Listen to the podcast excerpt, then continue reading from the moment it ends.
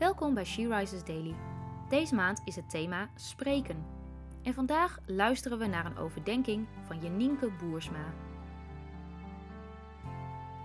We lezen uit de Bijbel Spreuken 20 vers 3. Het strekt een mens tot eer om ruzie te vermijden.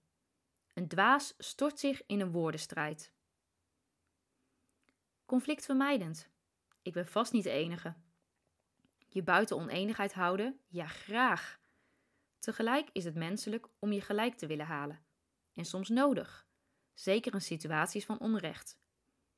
Misschien is dat hetgeen waar we onderscheidingsvermogen in nodig hebben. Wanneer wordt ergens onrecht gedaan waarin we ons mogen of moeten mengen? En wanneer mengen we ons in oneenigheid? Wanneer willen we strijden voor het goede en wanneer puur voor ons eigen gelijk? We vragen, Heer, wilt u daar ons wijsheid in geven?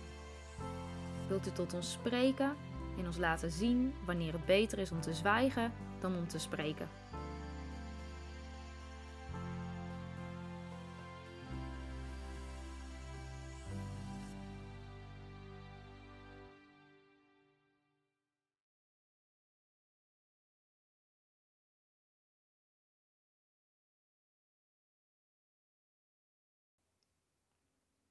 Laten we samen bidden.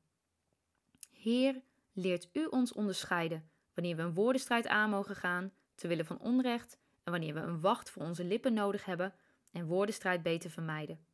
Wilt u ons leren hoe we hierin kunnen leven als dochters van de Allerhoogste? Amen.